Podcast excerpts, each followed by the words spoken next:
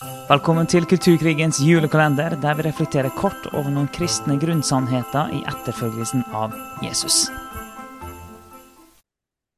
Da vi kom til 17. desember, og nå tar vi steget over i skaperordninga.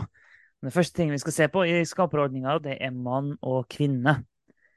Fordi vi tror, fordi Bibelen sier det, at Gud skapte oss til mann og kvinne. Så vi tror at det er en fundamental byggestein i hele det her byggverket som Gud driver med på jorda. Ja, og for å dra liksom linjene da, fra det vi har snakket om. Vi har gått gjennom evangeliet, vi har både det Jesus gjorde, hvordan vi responderer på det.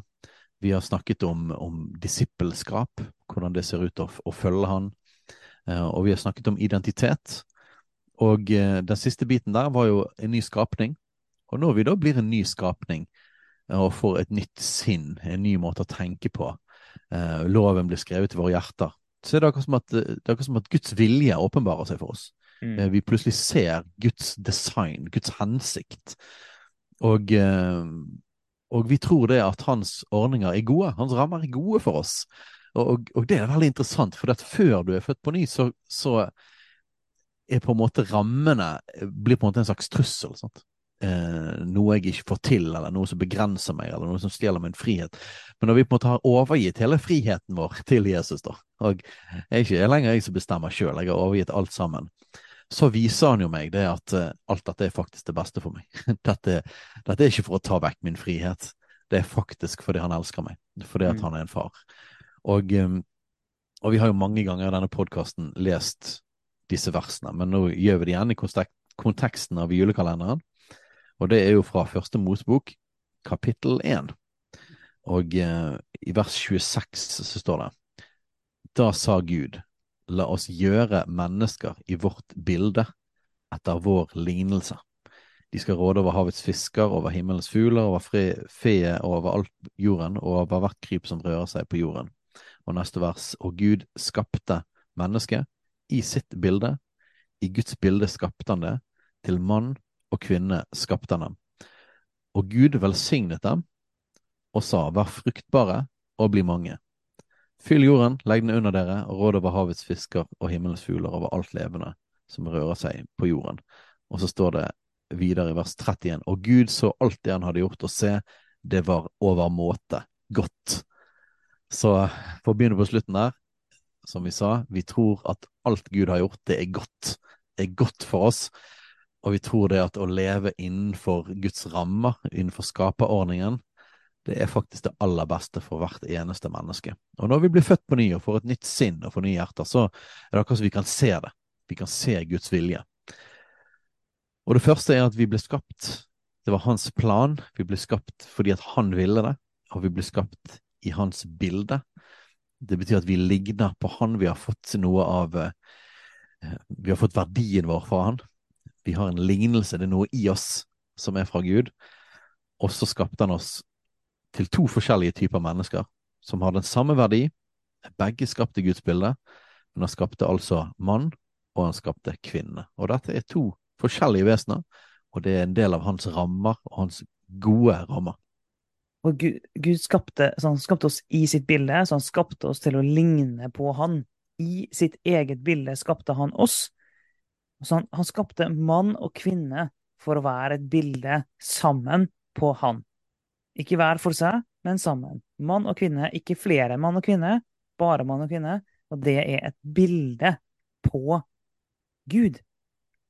Og hele, og, og hele, hele oppdraget her med at Gud velsigna dem og sa til dem Vær fruktbare, bli mange, fyll jorden, legg under dere.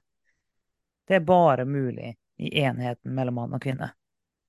Så når Gud skapte jorda, og han sa alt var godt, og han skapte oss i sitt bilde, og han ga et oppdrag Han ga et mandat til den første. I det oppdraget, bare i oppdraget i seg sjøl, ligger enheten mellom mann og kvinne. I oppdraget i seg sjøl ligger hensikten med at det er to forskjellige som skal smelte sammen.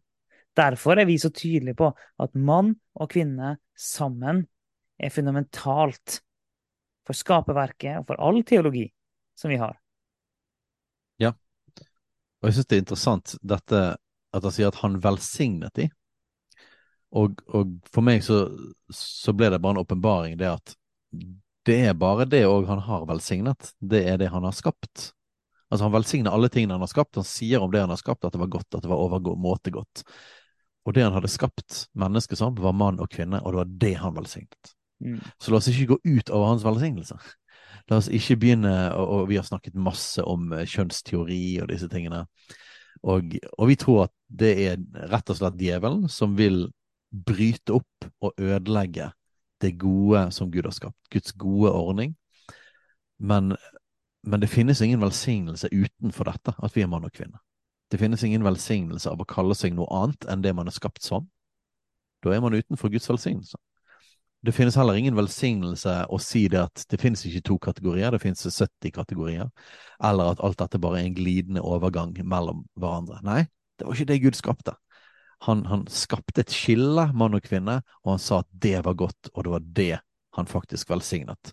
Så folkens, la oss holde oss innenfor Guds velsignelse, mm. og tro at Gud er god, at alt det han har skapt, faktisk er godt. Og, og bare det du sa, han skapte et skille Det kan høres negativt ut, men han skapte faktisk et skille mellom mann og kvinne. Mann og kvinne er forskjellig. Mann og kvinne er forskjellige fra skapelsen av, og det er gudgitt forskjellig. Mann og kvinne ja. er gudgitt forskjellig. Så forskjelligheten mellom mann og kvinne er rett. Den skal være der. Vi snakker ikke om over, under, undertrykkelse, den type ting. Vi snakker om at det er forskjellige gudgitte forskjeller for å representere Gud, for å være et bilde av Gud på jorda. Det er det vi snakker om. Så de forskjellene er faktisk nødvendig for å kunne eh, utføre det som er vårt oppdrag her på jorda. Og, så vi, vi, må ikke la oss lure til denne det, det, tanken som er i dag om at det ikke er forskjell mellom mann og kvinne.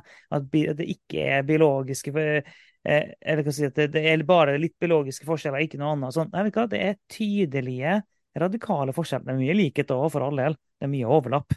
Poenget mitt nå er bare å framheve det finnes gudgitte forskjeller mellom mann og kvinne, og det faktisk er godt og velsigna av Gud. Jeg må bare hoppe inn i noe av dette med å skille òg, for, for vi treffer en eller annen eh, sånn greie i kulturen vår der, at, at ideologiene som preger oss, spesielt postmodernismen, eh, men òg en litt sånn ekstrem liberalisme, den vil, den vil, rive ned alle skiller.